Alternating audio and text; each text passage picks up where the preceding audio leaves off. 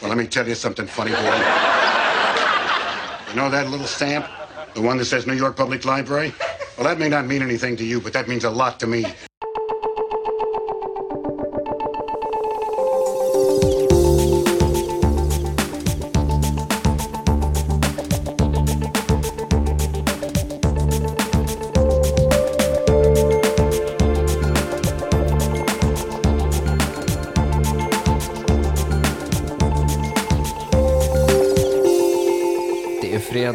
Vi hälsar välkomna till kulturjournalistikens mörkaste farvatten och fyrtornet Obiter Dictum.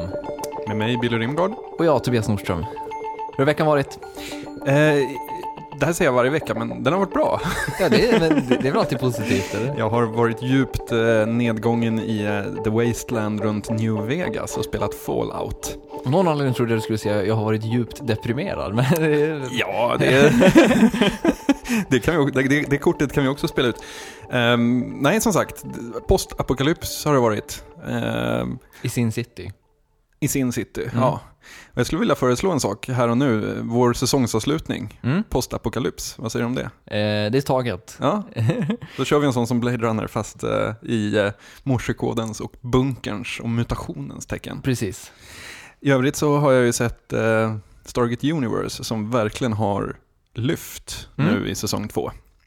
Alltså jag, jag har ju bara sett säsong ett, jag tänkte att jag sparar säsong två eh, till jul eller någon gång så, Ja. ser ikapp. Jag, jag, jag tyckte väldigt mycket om att se, sträckse säsong ett, så att, Tyvärr har jag förstått att tittarsiffrorna är down the drain. Så att eh, vi får väl se om den överlever. Men Var Den- är science fiction-publiken någonstans? ja, här är ju faktiskt en smart. Alltså de här andra jävla skiten i Stargate-serien. ja. Alltså Atlantis och allt vad de heter. SG-1 och... Ja. Ja. Mm. som bara är jättedåliga spin-offer av eh, eh, Filmen. Ja, filmen. ja. Och här kommer en som är lysande och smart och spännande och så bara nej, då kör vi dåliga tittarsiffror på den. Ja, det är illa. Vi kommer väl få anledning att återkomma lite till just spin-offer här senare idag. Definitivt. Um, vad, ja, innan jag frågar dig vad du har gjort så tänkte jag bara tipsa här om i helgen, P3 Kultur, så kommer eh, det att få lite Oddpod-prägel. För jag kommer studsa upp där och prata lite krig tror jag. Det är bra att det blir en eh, voice of sanity i studion. Precis.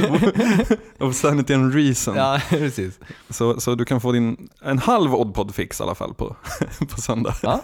Eh, låter jättetrevligt. Men själv då?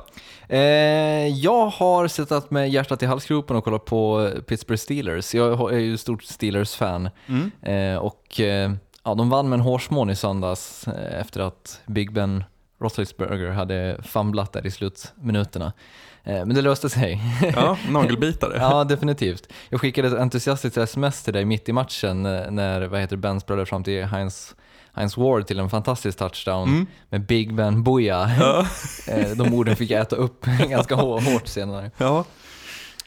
Men sen har jag även fascinerats av Kanye Wests nya musikvideo till Runaway. Inte musikvideo lite att undersella. Jo, k- kanske. Eller så kanske är det nå- någon slags vidareutveckling av vad musikvideon var. Så post-MTV, post-ZTV-världen liksom. Mm. Eh, Den är ju en halvtimme lång Mm. eh, och rymmer mer musik än bara Runaway. Och har väl minst sagt stora anspråk. Hybris kallar vi det för. Hybris, definitivt. Eh, självbedrägeri, kanske. Mm. Det känns som att Kanye West helt plötsligt har gått och blivit, eller i alla fall gått och tror att han är konstnär. Mm. Ehm, och And who are we to stop him? det, absolut inte, jag älskar, jag älskar videon, jag tycker den är helt fantastisk. Eh, jag gillar bland annat att det är han som regisserat den själv, att det är Hype Williams som har skrivit manus till den och att eh, framförallt att eh, Vanessa Beecroft är art director. Vanessa Beecroft, för de som inte vet, är en ganska framstående konstnär och de har jobbat en hel del med performance etc. Den, är väldigt, den får ju till och med sån här muskel 90-talsprojekt som November Rain och framstår som ganska anspråkslösa. Definitivt. Och sen det- alltså, den här vågen av Lady Gaga-videos som har varit helt fantastiska, de blir helt plötsligt nästan lite så småskalig, eller Ja. vad ska säga. Och det säger ju en del. Ja, men det jag gillar det svulstiga, så tummen upp för, för Runaway. Mm. Och i dagens eh, Obit Dictum så ska vi prata lite om Robins släpp Body Talk Part 3 och även ettan och tvåan och lite om koncepten kring det. Vi ska kasta lite ljus över den djupt underskattade birollen Och eh, slutligen så ska vi prata om eh, nedknarkade britter. Jag kan låta det hänga där i luften Ja, så det länge. är så. Ja. bra, bra. Bra puff. Ja. Ehm, ja, Robin. Body Talk, Body, p, t, p, Body Talk Part 3. Ja, och eh, Body Talk Part 1, 2 och 3. Eh, det kom, blev ju känt nu i, i veckan här så släppte, släpptes ju låtlistan för eh, Body Talk Part 3. Eh, och det visade sig då att eh, den kommer då innehålla till, till stor del eh, ja, nysläpp av låtar som har varit framgångsrika från Part 1 och Part 2. Eh, och Robin pratade ju i våras om, om när hon, eh, ja, när skulle börja bli dags att ge ut part 1 där, om att det skulle bli det här tredelade album, eller de här tre albumen som hon pratade Mm. om då.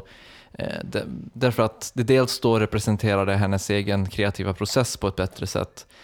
Och sen så pratade hon även om att hon tyckte att det, det representerade tydligare sättet som vi konsumerar musik idag, alltså separata låtar. Vilket jag är benägen att hålla med om. Ja, vi, kan, Ja. vi kommer till det Ja, ja, Ja, lite senare tror jag. Jag bara skjuter från höften på allt som rör sig. Ehm, men frågan är ju nu, när, del tre här då är någon slags best off. Den har ju Några- låt, nya låtar, men, men i stort någon slags best off av part 1 och part 2. Eh, var det tre album som kom egentligen? Ja, det, eh, det kanske var lite för få spännande grejer på trean för att man skulle så här, wow. Alltså, om vi börjar från början så tycker jag ändå så här att hon gör ju helt rätt på ett sätt. För att, jag menar, hon har ju lyckats vara nu i, från det att hon släppte del ett någon gång i våras, maj kanske, Mm. april, någonstans där, så har hon lyckats vara alltså, första sidenyheter överallt hela året. Mm. Och det är, ju, det är ju jättesvårt att lyckas med. Mm. Så att just det här att, att, att ha ett antal jävla killer tracks som man släpper ett och ett eh, med jämna mellanrum. Det, är- det är ju en lysande idé på, på, alltså för att hålla sig aktuell och för Mm. att vara i skriket. För då, då kommer först liksom första singeln, sen andra singeln, sen kommer sommarturnén, sen kommer nästa album med en första singel och en andra singel och en, nu kommer part 3 och vi blir lite besvikna. Eh, och det är ju det att liksom, alltså det känns ju någonstans som att så här, det, det det är någon som har satt ner foten i något led och sagt att nej, vi måste göra det här traditionellt. Jo, givetvis. Annars missar du Grammis-nomineringen. eh, ja, jag, jag, jag håller nog med, men samtidigt, samtidigt känns jag får lite känslan av att det, att det faktiskt är part 3 som är albumet nu Mm. plötsligt. alltså att, att part 1 och part 2, helt- de är liksom så här Det var två... promosläpp för. Ja, ett promosläpp eller två EPs. Mm.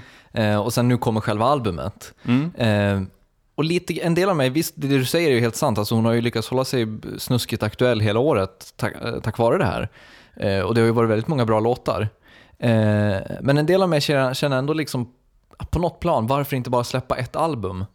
Eh, och sen liksom pusha för låtar på, på andra sätt liksom. Jag, jag, ja, alltså jag kan ju ändå känna så här att materialet har ju inte sviktat. Det är inte ett kvalitetsproblem egentligen. Alltså det, de är ju ganska bra rakt igenom både ettan och tvåan. Eh, så där kan jag tycka att det finns relevans. Ehm, det är väl snarare här, alltså jag tror att infrastrukturen i hela liksom systemet, hela näringskedjan, bygger fortfarande på albumsläpp. Eh, alltså just nomineringar för olika priser bygger på att man har ett album. Jag tror marknadsföringsapparaten är väldigt inriktad på liksom att gå all in eh, på vissa produkter en- under en kortare tid. Mm. Och sen framförallt media. Alltså, ja, man skriver om en aktuell artist. Vilket inte bara är medias fel, men, men det kan vi återkomma till. Eh, så jag, jag tror så här att hon, ehm, hon tvingas till det i slutändan. Förstår du vad jag menar? För Jo att, jag, jag, jag, jo, jag är med på vad du menar. vi, vi tittar på Marit Bergman som hade sin här prenumerationstjänsten där man Ja. kunde signa upp och få en låt. Floppade inte den ganska rejält? Jag tror det. Ja. Men även det ledde ju fram till ett album. Jo. Alltså alla de låtarna släpptes ju sen som ett album. Därför att i slutändan så är det så här, Men varför tror du det sker då? Tror vi, tror vi att även artister är så sitter fast lite grann i så här albumtänket? jag tror inte artisterna själva nödvändigtvis gör det. Även fast så här, självklart så är det ju så att eh, alltså, det här stora tänket, alltså det stora verket, Mm. självklart lever kvar eftersom man har lyssnat på de stora verken när man började göra musik. Eh, men jag tror som sagt mer för, för eh, speciellt för sådana som Marit Bergman som ligger på liksom, stor, stora bolag, där tror jag att alltså, hela organisationen är byggd efter det. Mm. Alltså du vet, de kan inte kontakta sina lablar i andra länder och säger det här borde ni satsa på. Jaha, vad, vad gör hon för någonting där? Hon har, hon har en hemsida där hon släpper låtar en gång i månaden. Förstår du vad jag menar? Ja, jo, jo. De, de är så fast i ett annat tänkande. Givetvis. Men jag kan eh, samtidigt känna lite grann så här, alltså jag gillar ju al albumformen väldigt mycket. Mm. Eh, lite grann av det du nämnde här med alltså att det är ett verk. Mm. Eller men, ah, kanske inte just verkdelen, men att det i alla fall Konceptuellt. är... Ja, att det är Mm. liksom ett, ett alster på vilket man projicerar ett arbete på något sätt. Mm. Eller förstår du vad jag menar? Att, det, det, det kan bli lite så här... Jag kan känna att hela den här grejen med en, en MP3 där och en MP3 där blir lite så här tafatt och lite... Alltså det blir knappt ett släpp. Nej. Det funkar för, för liksom stora artister som vi var inne på med Kanye West till exempel. Han kan ge ut, eh, eller Lil Wayne, de kan ge ut en MP3 i månaden och det är Mm. fortfarande en stor grej. Eh, Men för lite mindre artister så blir det inte riktigt samma, eh, ja men det blir inte samma happening liksom. Men ett exempel där är ju, eller en parallell snarare, det är ju eh, författare som lägger ut sina grejer kapitel för kapitel på, på webben. Och hur nytänkande de än är och, och så vidare och så vidare. I slutändan så måste de där alla kapitlen klumpas ihop och tryckas på en bok Mm. och ges ut för att annars är man inte med i, alltså du läser ju aldrig att det får någon uppståndelse. Men ta Pioneer One som vi pratade om här förra veckan, tv-serien som är, är crowdsourcad.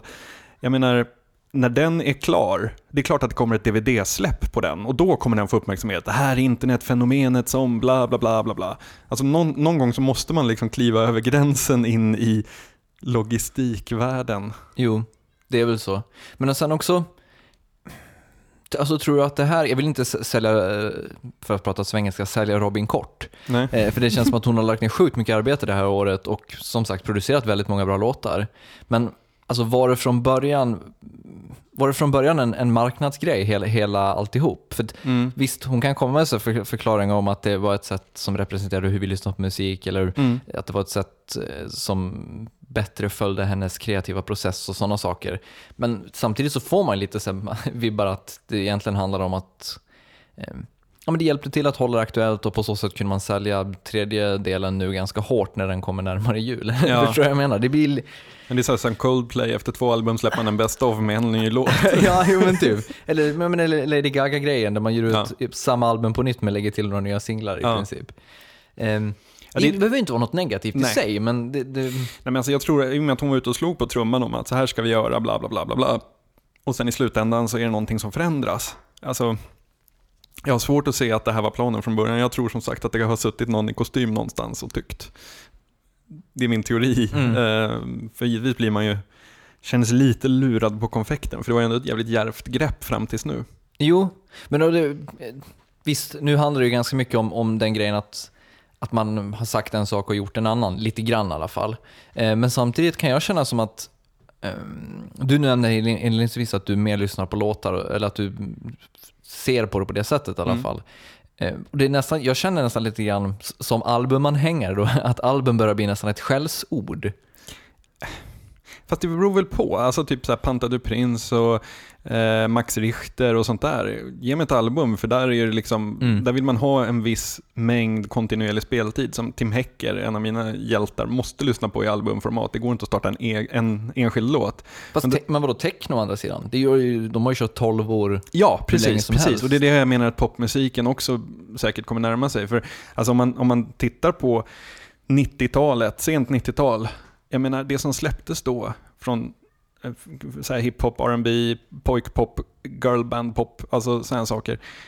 Det var ju tre starka singlar och sen lite utfyllnad för albumet. Mm. Menar, man kan ju, det går att argumentera för att det var låtorienterat redan då, därför att de fyra, tre, fyra fetaste låtarna, de låg de först. säljer albumet sen. De låg Ja. först på albumet och sen var resten skit. Gick inte att lyssna på. Du, du kan ju inte hitta några helgjutna album från sent 90-tal i, ur pop, alltså den populära topplistesvängen. Men tror du att det där också, det ligger lite grann att, att, att albumformen, eh, alltså den är ju inte hatad, men, men, men att den är liksom lite, eh, men att, att den passar in i någon slags idé om skivindustrin, snarare än att den passar in i någon idé om att arbeta eh, kring ett koncept och arbeta fram ett alster och sånt. Ja, alltså... Alltså, jag, jag kan inte säga att jag hatar album så, eller du vet att, att, det- att det är ett skällsord, för det är det inte om det görs på rätt sätt. Nej. Men som liksom, de stora skivbolagen gjorde från 95 och framåt, då var det ju ett skällsord, därför att det var kass. Alltså det, det gick inte att köpa några album helt enkelt. Men så, men Och de sköt sig ju själva i foten där lite grann, för att det sammanföll ju med en utveckling på, på, på webben som gjorde att liksom ingen alla kände så här, okej men vänta nu, varför ska jag lägga 199 kronor på de här tre låtarna som jag redan hade på CD-singel, när jag bara kan ladda ner de tre låtarna så är jag klar. mm. Men tycker du att det är likadant idag? Jag tycker att det har blivit mycket bättre. Mm. faktiskt. Alltså gå bara tillbaka 5-6 år så tyckte jag att albumen var kanske lite tråkigare. Jag tänker på, eh, åh, vad hette de som gjorde Big Sur? Eh, åh, Se, man kommer inte ens ihåg. För där var, det var också så här typiskt, en låt var så här asbra och den lyssnade man på hela den, The Thrills. The Thrills, tack. en, en låt var asbra och den lyssnade man på hela sommaren. På albumet fanns det två till som var okej, resten helt glömt liksom. Så att på den tiden så, på den tiden, men alltså det var fortfarande ganska taskigt en bra bit in på 2000-talet. Men sen kändes det som att så här, okej, storbolagen kapade alla nya artister. Och de började husera på små indie-lablar som inte behövde kompromissa och ja, albumen blev bra igen. Alltså Arcade Fire är ett exempel på ett album som är jättebra, Mm. om än lite långt. Alltså det nya. Men, Mm, jo. ehm, så att, ja, Men jag skulle ändå så argumentera ganska hårt för att det alltid har gjort bra, gjorts bra album. Som helhet liksom. ja, självklart. Det går ju alltid att hitta bra. Men alltså jag menar de här som vi pratar om. Alltså de, jag menar, de, de som blir snackisar. De som går i in the Pantheon. Ja. Jo, men samtidigt vadå, så här, My Bloody Valentine Loveless, kanske bästa albumet någonsin. Det är gjort på 90-talet liksom. Jo, jo, absolut. Men vadå, 92? Ja, jo. Alltså, jag pratar om... Alltså, ah, jo, jag jag pratar e- pre- precis efter när britpoppen dör, där, Ja. i samband med Oasis tredje ungefär. Sent 96, tidigt 97 där någonstans. Mm. När liksom Robbie Williams släpper Angels och ja, men du vet, alla blir så här. Alltså där någonstans, då skjuter man det i total liksom sank. För då, då kommer så en synk och då, då kommer alla, Britney. Jag menar, du kan inte säga att Britney gjorde ett helgjutet album. Hon gjorde grymma jävla pophits, men jag menar, det var inte helgjutna album på det Nej. sättet man tänker album liksom. Nej, du, du har nog helt, jag tror att du är helt rätt där faktiskt. Men, men, men som sagt, idag känner jag ändå i alla fall, alltså jag gillar album i det att man får någon slags kontext. Mm. Sen att albumen har liksom sina ups and downs, så är det ändå eh, att ha, ja, att ha, att ha någon slags helhet att, att relatera även de enskilda låtarna till. Jo, men fast då krävs det att artisten har tänkt så från Nej, början. Jag, jag skulle inte hävda att, man, att det behöver vara så överhuvudtaget. Alltså att, eh, det räcker med om jag tänker så. Mm. Eh, i, min- I min värld i alla fall så Fast, räcker det. alltså, problemet för mig har varit lite de här, alltså de stora pop, pop-hits-albumerna, där det har varit liksom ehm, ja, fem, sex, sju olika producenter som har gjort en, två låtar var. Så att soundet kan spreta en hel del och man, lägger dem, man, man tänker inte låtordning ut, utifrån vilka låtar som går bra ihop efter varandra, utan man lägger låtordning efter vilka som har fått mest betalt för produktionen Jo. och så vidare. Alltså, ja. Jo, alltså det, det har ju sina nackdelar Mm. helt klart. Men eh, albumet inte dött, så mycket kan vi konstatera. Robins idé bra, vi ställer oss tveksamma till Genomförandet. genomförandet. Ja, Ehm, ja, jag kanske ska återkomma till det där som jag snuddade på, eh, om medias roll i det hela. För jag kan meddela att, alltså, när man vill göra en intervju med en artist som är mellan två album, om någonting, vad som helst, så Mm. får man alltid nej. jo. Så det är liksom inte medias fel bara, utan artisterna är sjukt ovilliga att prata om, om stuff. För man tänker så här, ja men vänta nu, varför skriver vi bara om de mest aktuella artisterna? Varför har alla tidningar Håkan Hellström på omslaget nu? Jo, därför att om man hade frågat Hå- Håkan Hellström för ett halvår sedan så hade man fått nej på en Mm, intervju. mm. Jag hade helt kört, du vet. Men kan inte vi bara komma och hänga med dig när du spelar in lite och se vad du gör mellan albumen? Det hade varit liksom, Så gjorde man ju dock med, med, med just Ro- Robin, den här, vad heter det, tv-serien som gick på SVT, de kallar oss artister. ja, De hängde ju med Robin där alldeles när hon hade börjat med att spela in eh, de, det som senare blev Body Talk Part 1. mm, fast om man är SVT så, Jo, ja, jag menar, man- du menar att eh, ministeriet väger tungt fortfarande? Ja, Ja. det är nog sant. Jo, men alltså om man kommer... Jag skrev ju en artikel i senaste Sonic om imagebyggande och om eh, ja, hur band profilerar sig. Och då frågade jag flera stycken som jag tyckte skulle vara spännande Mm. att prata med just om det. Och det är ju en sån här eh, fråga som liksom handlar om deras artistskap och deras liksom, ja, kreativitet och allmänna utövande och sådär. Men de som inte var aktuella, de tackade nej. nej. Jag gör inga intervjuer just nu liksom. Men kan inte det också vara ett, ett symptom på att man inte vill dekonstruera? Jo, absolut. Ämnet, Alltså- ämnet är ju lite känsligt. Det, det är ju helt, helt klart. Men, men jag tror att så här, Och jag tror inte Robin skulle vara så jäkla intresserad av att sitta och prata om hur hon, har, hur hon har tänkt marknadsmässigt. För hon har ändå sitt skiv, eget skivbolag. Liksom. Ja. Jag tror inte hon är så intresserad av att sitta och dekonstruera marknadsmässigt hur bra idé Body Talk Fast jag vet också när, man, när man gör så här eh, artiklar om artist X och så ska man fråga, ha en så spalt med så röster om och så ska man fråga artist Y och Z som har samarbetat med den här personen. Det är, det är liksom väldigt sällan någon som säger nej, nej, jag, jag kan inte medverka just nu för bla bla bla. Kom tillbaka om ett halvår, då har jag mitt nya album på Mm. gång. Så att, alltså man, man tror på något sätt, alltså om man jämför med sportjournalistiken där alltså alla idrottsutövare är tillgängliga jämt. Om Mm. du ringer en alpin skidåkare på sommaren och säger “Tja, hur går sommarträningen?” och du vet, då kan man prata i 20 minuter om hur sommarträningen går och ja, “Vi jobbar stenhårt här i tyska alperna och springer upp och ner” och bla bla bla. Det är inte så att säga “Nej men vadå, det är inte säsong nu, jag tänker inte prata med dig”. Den finns liksom inte. Ehm, så att det Ja, men är det ju styrt. Ja, jo, det är ju det. Men, eh, men ändå, jag, vi vill absolut jag, jag i alla fall vill absolut inte svartmåla Robinson någonting. Nej. Det känns bara så Nej, nej. som, som eh, ja, Men, som det här ett- var ju sidospår. ja, jag var inne på, jag ville bara förtydliga.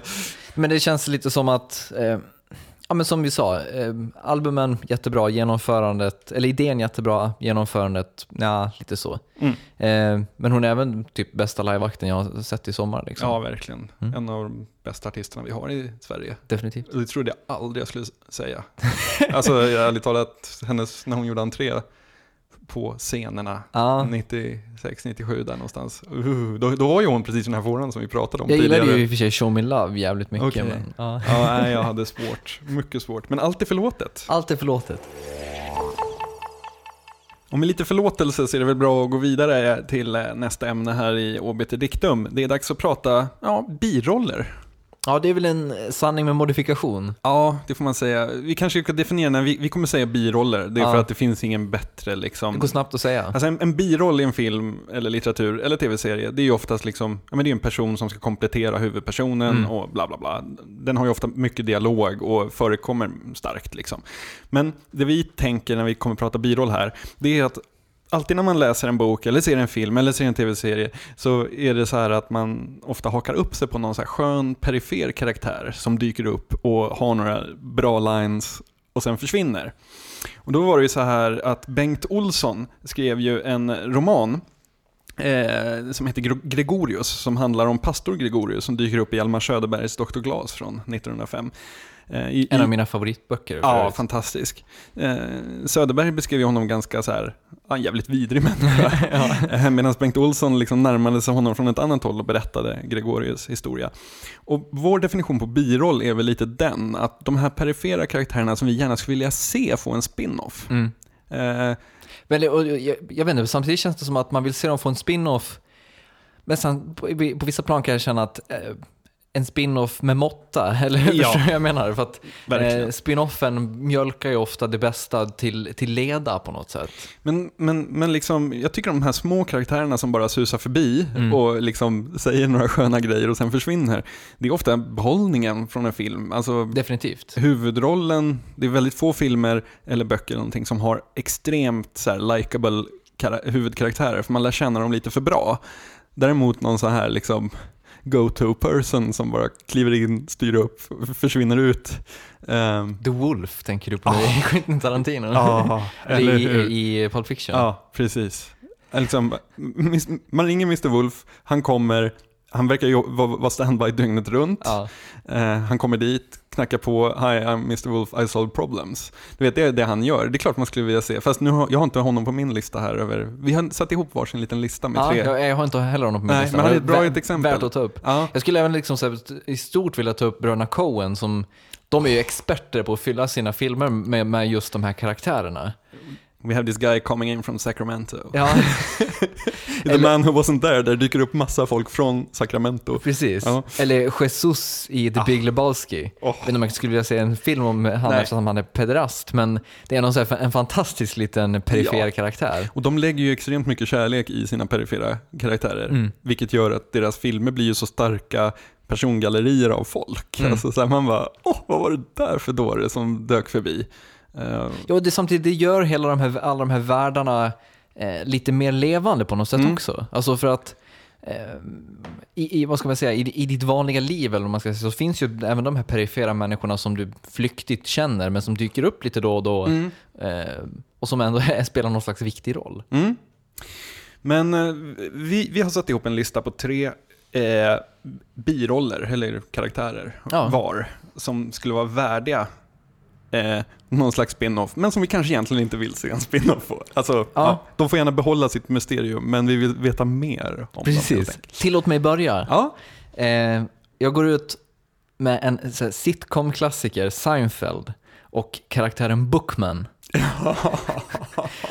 Han dyker upp i ett avsnitt eh, när eh, Jerry har glömt lämna tillbaka en bok till the New York Public Library eh, och får ett brev om det. Och han besöker då biblioteket och vill, eh, vill veta, alltså vad är det? Jag lämnade tillbaka den här på 70-talet. Mm.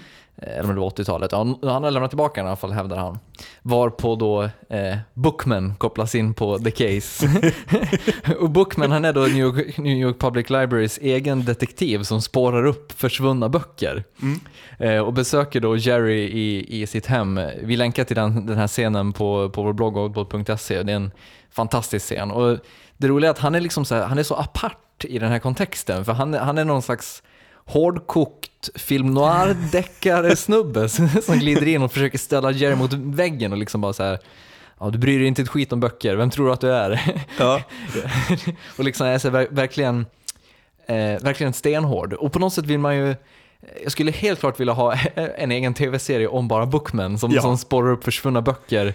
Det är en bok per avsnitt. Ja, en bok per avsnitt. Det är, det är ju House fast, bok, Ja. fast bokdeckare. Och så sugs han in i liksom stora Ja. fall som är större än bara boken. Och jag tänker att det här går även att, att utveckla i en ännu mer så här, vad ska vi säga, intellektuell mening, alltså att historierna böckerna berättar i någon slags här dubbel bemärkelse. Eller förstår du vad jag menar? Att, så här, ah, att, att boken som artefakt har en egen historia och ja. jag gillar hur du tänker. Ja, eh. Så att när, när Moby Dick är ut, utlånad och försvunnen så är det så här klassiskt Ahab-fenomen där någon jagar. Ja, Exakt. Det, Mm. det, jag, ser, jag ser en... eh, Det, det, det, det är meta. det, är ett, det är ett framgångsrecept Ja, skulle jag säga. Ja. Det var, den var bra. Ja, Nu får jag lite Knäck ångest. den. Ja. Men då så säger jag som eh, Dwight McCarthy brukar säga, Deadly Little Miho. alltså Miho från Sin City. Eh, den tystlåtna, eller helt stumma lönnmördaren som Mm. bor i Old Town. Eh, med sina samurajsvärd. ja, stenhård. Ehm, jag läste om hela Frank Millers sin City Suite här för ett par veckor sedan. Och då slogs jag liksom vilket mysterium hon är. För hon, i de här tysta, stumma serierutorna där hon bara är hur, hur hård som helst. Eh, så bara, hon är nästan som en sån här demon. Hon bara gör någonting och sen glider hon in i skuggorna. Eh, så jag skulle vilja se mer fokus på henne. I filmen, nja, ja, Mm. det är väl, alltså det är väl eh, Devon Aoki som spelar henne och eh, ja, hon blir lite för modellig där. Jo. Det blir lite för mycket tits and ass liksom. Eh, mm, Miho är ju så mycket mer. Alltså hon är ju, ja. Jag kommer dock ihåg att jag för flera år sedan var på eh, en klubb där Andreas Tilliander spelade skivor. Mm. Och jag hade med mig min laptop eh, med, och då låg Sin City på min laptop. Eh, varpå av någon anledning så kom den här laptopen fram och Sin City började spelas. Och Tilliander utbrister att åh, jag är ju förälskad i, i Miho. Så. Ja. det, är, det är lite kul sådär. Mm. Men eh, ja, eh, du, du leder ju på poäng, helt klart. Ja. Okej. Eh, ja, jag, jag tar nästa då. Eh, det är från Aliens och det är Private Vasquez. Mm. Eh, Oh, good call. Ja, jag, jag, jag grundar det här nästan helt och hållet på, på ett, mitt favoritreplikskifte i hela Aliens. Eh, och det är precis när de har vaknat ur kryosömnen och börjar närma sig den här planeten. Eh, och de, liksom, de här marinkårssoldaterna börjar liksom sträcka lite på sig efter att ha legat i den här djupa sömnen och göra lite övningar för att få igång musklerna. Ehm, och Vasquez då, hon börjar göra en, någon slags sån här pull-up övning där hon drar upp hela sin kropp i, i bara armarna. Varpå Hudson kommer fram och frågar, Hey Vasquez, have you ever been mistaken for a man? varpå Vasquez bara kollar på Hudson och säger No. Have you? Alltså Vasquez levererar filmen igenom, bara så här stenhårda kommentarer, hon skjuter med sitt jävla pulse rifle eh, och, kickar alien-arsle liksom. Och vi ser väl så att hon kom till castingen och trodde att det var en film om illegala immigranter. Ja, ryktet säger det i alla fall. Jag, jag, har inte lyckats konfirmera om det är sant, men det är ju en fantastisk historia. Ja, och James Cameron skrev in den i manus bara för att det var så bra. Ja, Ja. och det jag, vill, jag tänker mig liksom så här, tänk dig en historia om Vasquez som rekryt i marinkåren. Ja. I den här Space Marine-miljön liksom. I like it. Ja, det, det, det finns mycket, mycket att hämta tror jag. Ja, jag känner ju, ja du har ju tagit en ledning här med ett skotthåll skulle jag säga. Jag tror att du har nog någon på lager här nu. Jag dyker upp med en väldigt otippad. Eh, arkitekt Grundholm, som återfinns i Hjalmar Bergmans Farmor och vår Herre. Uh, det är så här, I första meningen där han dyker upp, då beskrivs han som, eller då står det så här. Byggmästaren hette Grundholm. Han kallade sig för arkitekt, vilket var nytt. så att han är alltså en byggmästare, men har fått för sig att han är arkitekt, vilket är nytt. Då. Ja. Och grejen är så här att hans eh, thing är ju att alla hus han bygger har något fel. Det finns ett fel någonstans. Så att alla, alla hus han bygger så blir det så här husesyn. Folk står på kö för att gå in och försöka hitta det här felet. Någon gång så glömde han att bygga en trappa till övervåningen, så man fick bygga en på utsidan och så vidare. Och i det här huset som byggs i Farmor och vår Herre så eh, eh bygger han ett hus som är jättefint och det finns inga fel. Och folk går omkring och tittar och tittar och liksom, ja. Men sen till slut så inser man att i mitten av det här huset så finns det ett outnyttjat rum då utan fönster eller någonting som är jättestort. Det är det tredje största i huset. Och det, det, det ligger i mitten så det saknar fönster och vid väggarna på, i de andra rummen som angränsar till det så står förmaksugnen och salsugnen och spisen. Så att det är så här sjukt varmt där inne. Ehm, så det är det stora felet då. då. Men han är den här, han, han dyker bara upp vid två, tre tillfällen. Men, men det är ändå så skönt med den här misslyckade byggmästaren som kallas arkitekt. Och så, det framkommer att han läser väldigt mycket böcker om olika utländska byggnadsstilar och sånt där. Han känns så sorglig och fin. Så att, ja. Ja, den är, den är bra, den, den gillar jag. Eh, om vi fortsätter lite grann i litteraturens tecken då. Mm. Eh, från Dennis Lehanes böcker om eh, Angie Gennaro och Patrick Kenzie som är två deckare i Boston. Eh, så i, I de böckerna så finns det en karaktär som heter eh, Baba Rogowski. Åh, vilket namn. Och Baba Rogowski, han är liksom eh, Patrick Kenzies eh, gamla kompis och, eh, vad ska vi säga, väg in i Bostons undre värld. Mm. Eh, för Baba Rogowski, han är den som fixar vapen, han är den som fixar knark, han känner alla eh, och han går, i, i framförallt första boken så går han under beskrivningen urban terrorist. Därför att det finns inget Baba hatar mer än snutar och han gör liksom allt för att montera hela samhällssystemet inifrån. Och det namnet är nästan lika hårt som Truxton Spangler. Men så att de liksom, eh, Gennaro och Kenzie, de, de utnyttjar ju, eller ja, de hjälper varandra givetvis, eh, Rogowski och de, de två. Eh, via honom då så får de ju reda på massa saker om olika personer, han vet ju liksom allt om alla. Eh, och på något sätt så, eh, alltså det här finns det ju massor, massor av historier att berätta känns det som. Ja, spindeln i nätet, snubben. Precis, Liksom. Ja. uppvuxen liksom Bostons eh, hårda kvarter. Eh, ja, en hård kille helt enkelt. Mm, ja, den, den, Mycket smärta liksom. där ser jag också en tv-serie. Ja. Åh! Jag ska säga också att vi, för er som har sett filmen Gone Baby Gone som bygger på den här serien, där spelas Barbara Rogowski av någon halvkänd amerikansk hiphopartist och det gör inte alls rättvist till hur Barbara Rogowski är i böckerna. Nej. Det, så jag rekommenderar att läsa böckerna om man vill lära känna Mm. Bob- Baba. Ja, min sista då. Jag, jag, alltså, först tänkte jag ta CJ Craig från West Wing. För det är en av mina favoritkaraktärer alla kategorier. Men sen så insåg jag att alltså, allt som är intressant med henne utspelar sig på jobbet. Det vill säga i The West Wing. Så att det känns som att liksom vi, vi har fått hennes historia. Jag är inte så peppad på att se henne alltså, när hon är hemma och är trött. Liksom. Ehm, sen tänkte jag också på Juliette från Lost. Ehm, men det faller lite på samma sak, nämligen att ehm, vi har nog fått reda på allt som är intressant om henne. Alltså hennes år i Dharma, så att säga. Mm. Så, så valet föll på en helt annan. Och det, mitt sista, ja, sista val det är lite grabbigt, men utifrån betydelsen karaktären har haft för mig så ska det inte underskattas. Och det är The Finn från William Gibsons Sprawl-trilogi. Nice. Men eh, The Finn, som inte har något namn, utan han är bara känd som The Finn. Eh, Det är ju en sån här hälare, handlare, Man hittar ju det mesta från så här senaste ryska kodknäckarprogramvaran till stimulantia och ja, vad det nu må vara. Och eh, det är också så här, det är lite som Babba.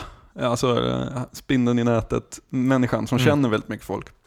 Jag kommer ihåg, alltså, det jag, första gången jag läste Neuromancer och Count Zero och dem och The Finn var den man gick till för att få sin, sin, sin kodknäckarprogramvara.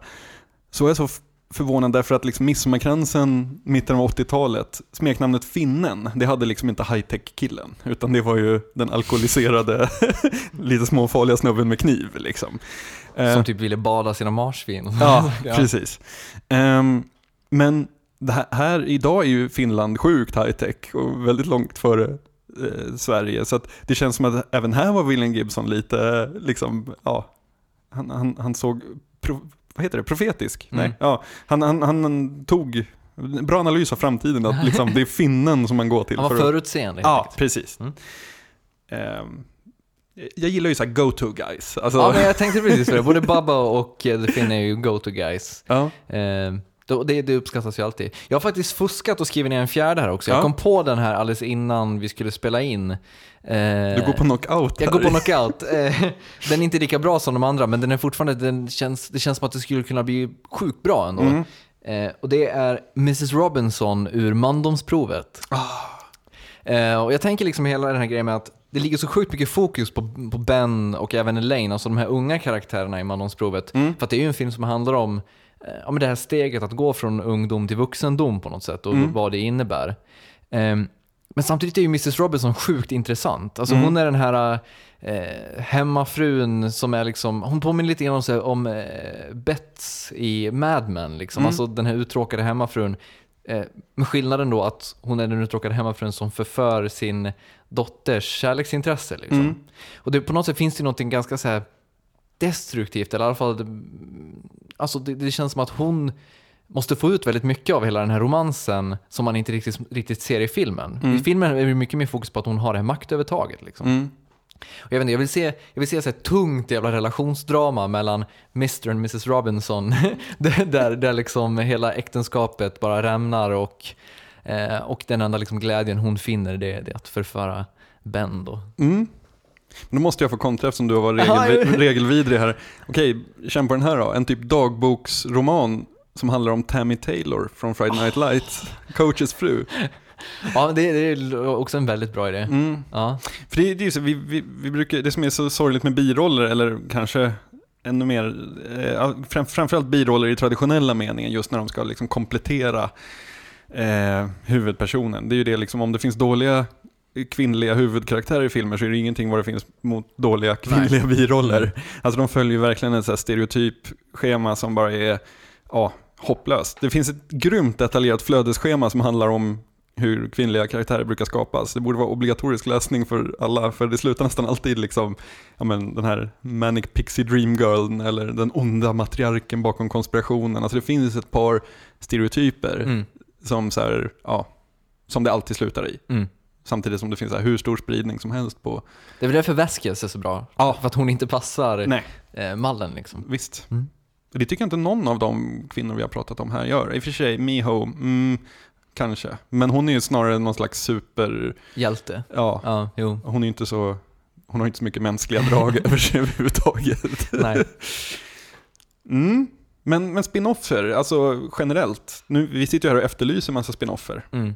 Men generellt sett så är de ju inte bra. Nej. Det, det, kan- den slutsatsen kan man ju dra ganska, ganska Baywatch snabbt. Nights.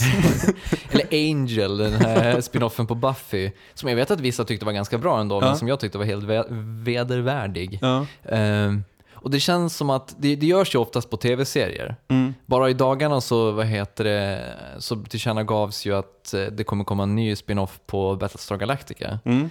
Ehm, jag är hoppfull. Mm. Mm. Hur, hur känner du? Ja, Eller är Battlestar Galactica ett avslutat kapitel? alltså Följer du Caprica kan vi väl börja med nej, att fråga? jag gör inte det. Eh, För mitt problem, mitt problem är att alla spin-offer till Battlestar Galactica, det blir ju en prequel. fast det här ska inte vara en prequel, Nej, den okej. här nya. Nej. Ja, Mm. men alltså bara det utspelar sig efter de kommer till jorden i sådana fall. För att det känns som att så här, när man vet hur det slutar så hatar jag att gå tillbaka. Star Trek Enterprise var ju Mm. eh, typisk sån, där man bara, men we know this. Mm. Liksom. Ehm, och det är klart att spinoffer, alltså det finns ju väldigt många bra uppslag för spinoffer. Mm. Alltså vi pratade tidigare om eh, Gotham Central, alltså det, ehm, ja, Serietidnings... Eh, precis, serietidningen om eh, The Major Crimes Unit Ja. i Gotham City. Den, fast alltså, bara för att den utspelar sig i ett Batman-universum, är det en Batman-spin-off? Jag vet inte, för Batman finns ju med, alltså han är ju där, så att jag vet inte, jag ser bara en, det som en annan sida av... Men ändå, man, jag myntet. skulle säga att om man byter perspektiv, eh, vi nämnde ju Gregorius här, så att Mm. alltså, så länge man byter perspektiv så får det väl ändå vara, alltså, kanske inte spin-off i ordets, eh, Joey är väl en typisk spin-off? ah, usch. Eller hur? Ja, Ja, men det måste vara så här, fan, man ja. har Friends som är populärt och är stort och sen så dör den och så vill någon liksom av eh, skådespelarna krama ut det sista ur sin karaktär. Mm. Lite så. Men, eh, men The så, Cleveland Show är ju också... ja. Jo, men, men, men en intressant sak i så fall är ju är till exempel Curb Your Enthusi- Enthusiasm, är det en spin-off på Seinfeld? ja.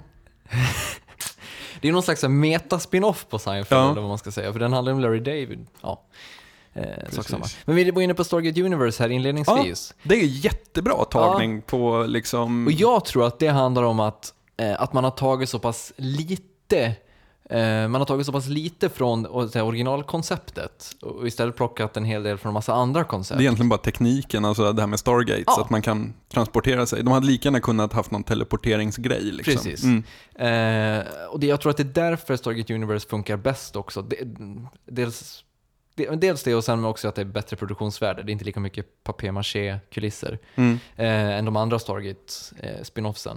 Eh, men de har ju liksom mer varit hårdare på det här med värld till värld. Mm. Man, man hoppar från värld till värld och liksom bara vill ta sig hem. Eh, Medan det är Universe då så är det ju ändå den här, den här um, övergripande grejen med rymdskeppet som reser ja, mållöst ut i rymden. liksom. Mm. Där läste jag en väldigt intressant bloggpostning av en tv-serieförfattare som, eller rättare sagt det var en, en, person som kände en icke namngiven tv-serieförfattare för att det var känsliga frågor. Men i och med att han jobbade på en stor känd tv-serie Mm. så får de jättemycket så här mail från folk. Hej, ni borde göra en spin-off som handlar om det här och det här. Vilket har fått till följd att de tvingas att stänga av sin, alltså de returnerar eh, ett autosvar där de bara säger vi har inte läst ditt mail och kommer inte att läsa det. Därför att när du har liksom folk som sitter och mailar in massa idéer till spin-offer, om de sen skulle göra en spin-off, och då kommer ju de och stämmer dem på pengar, ni har snott min idé.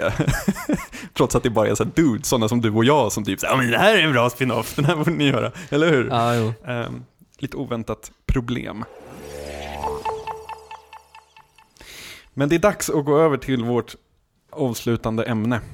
Det är så här, I veckan så var det för BBC Radio 6 så hade Dr. Alex Patterson gjort en eh, två timmars flummix kan man väl kalla det för med sin eh, karaktäristiska ambient och han premiärspelade lite låtar från sitt nya samarbete med David Gilmore. Och det här, alltså det är ju en kombination, namnkombination som känns initialt intressant. i alla fall. Ja, Jag har ju inte hunnit lyssnat, men eh, nej, vi, vi kan ta och lyssna två sekunder här. ja.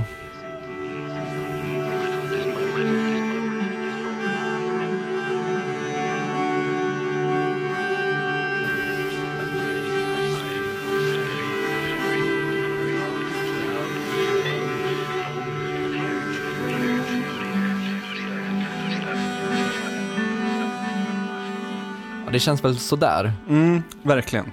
Och det är ju lite så här den känslan man har haft på allt som The Orb har gjort de senaste 15 åren eller någonting sånt. Mm. Det är lite sådär.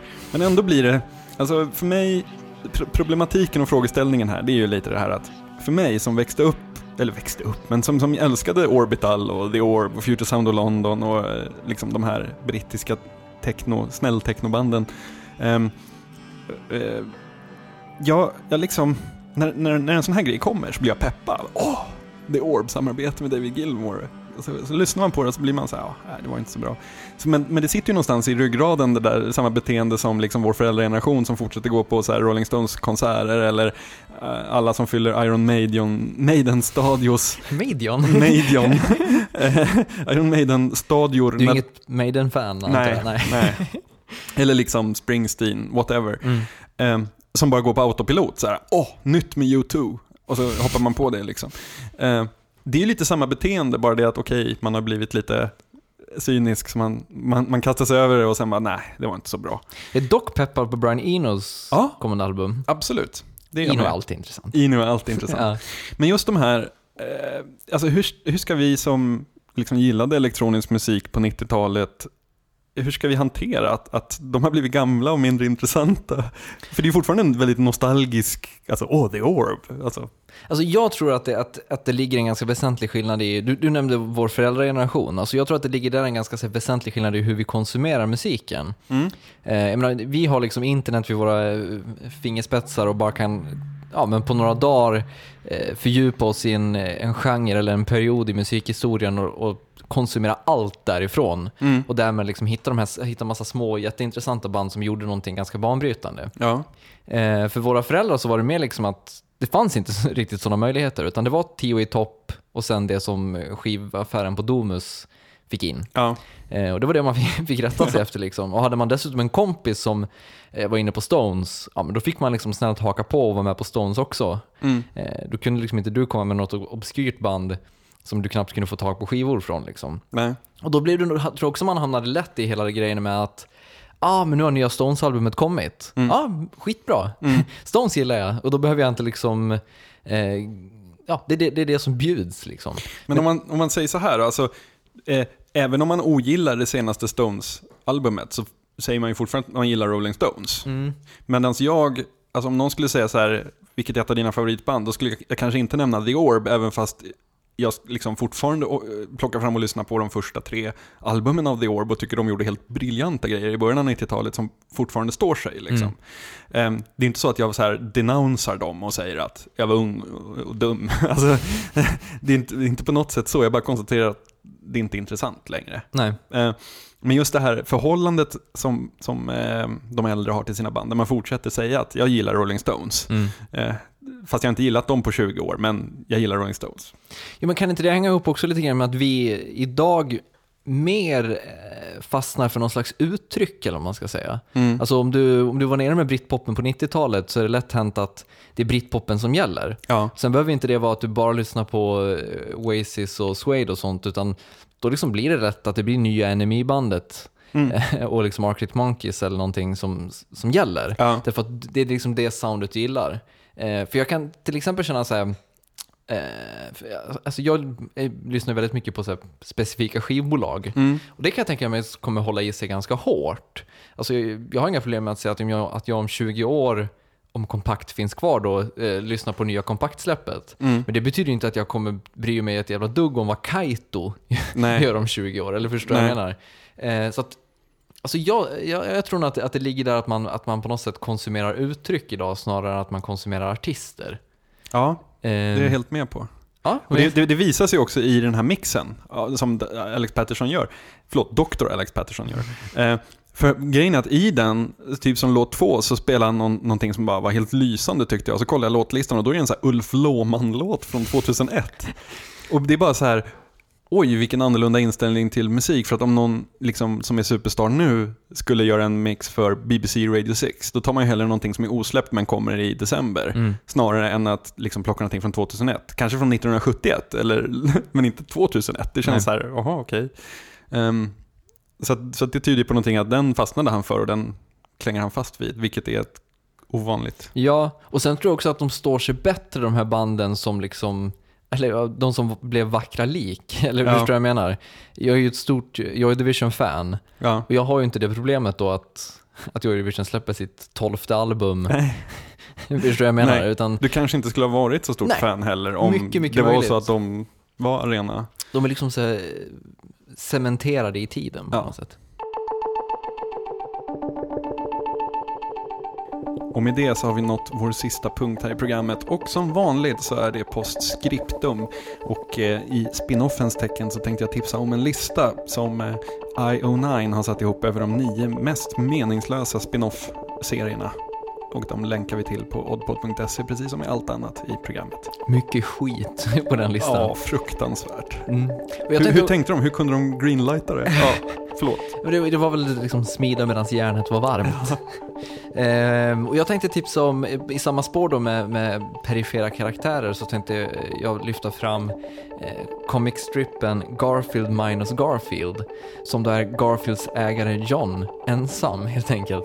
Eh, det blir rätt sorgligt om man suddar ut Garfields medverkande i den serien. Ska vi avsluta med att efterlysa en spin-off med Cybersnuten? Ja, Skumrask-kvarter. Vi tackar för eh, idag och eh, vi ses nästa vecka i vanlig ordning. Och ni är som vanligt eh, välkomna att kontakta oss på kontakt.oddboy.se. Eller gå in på vår blogg och kommentera på oddpod.se. Tack så mycket. Tackar, hej. Hej.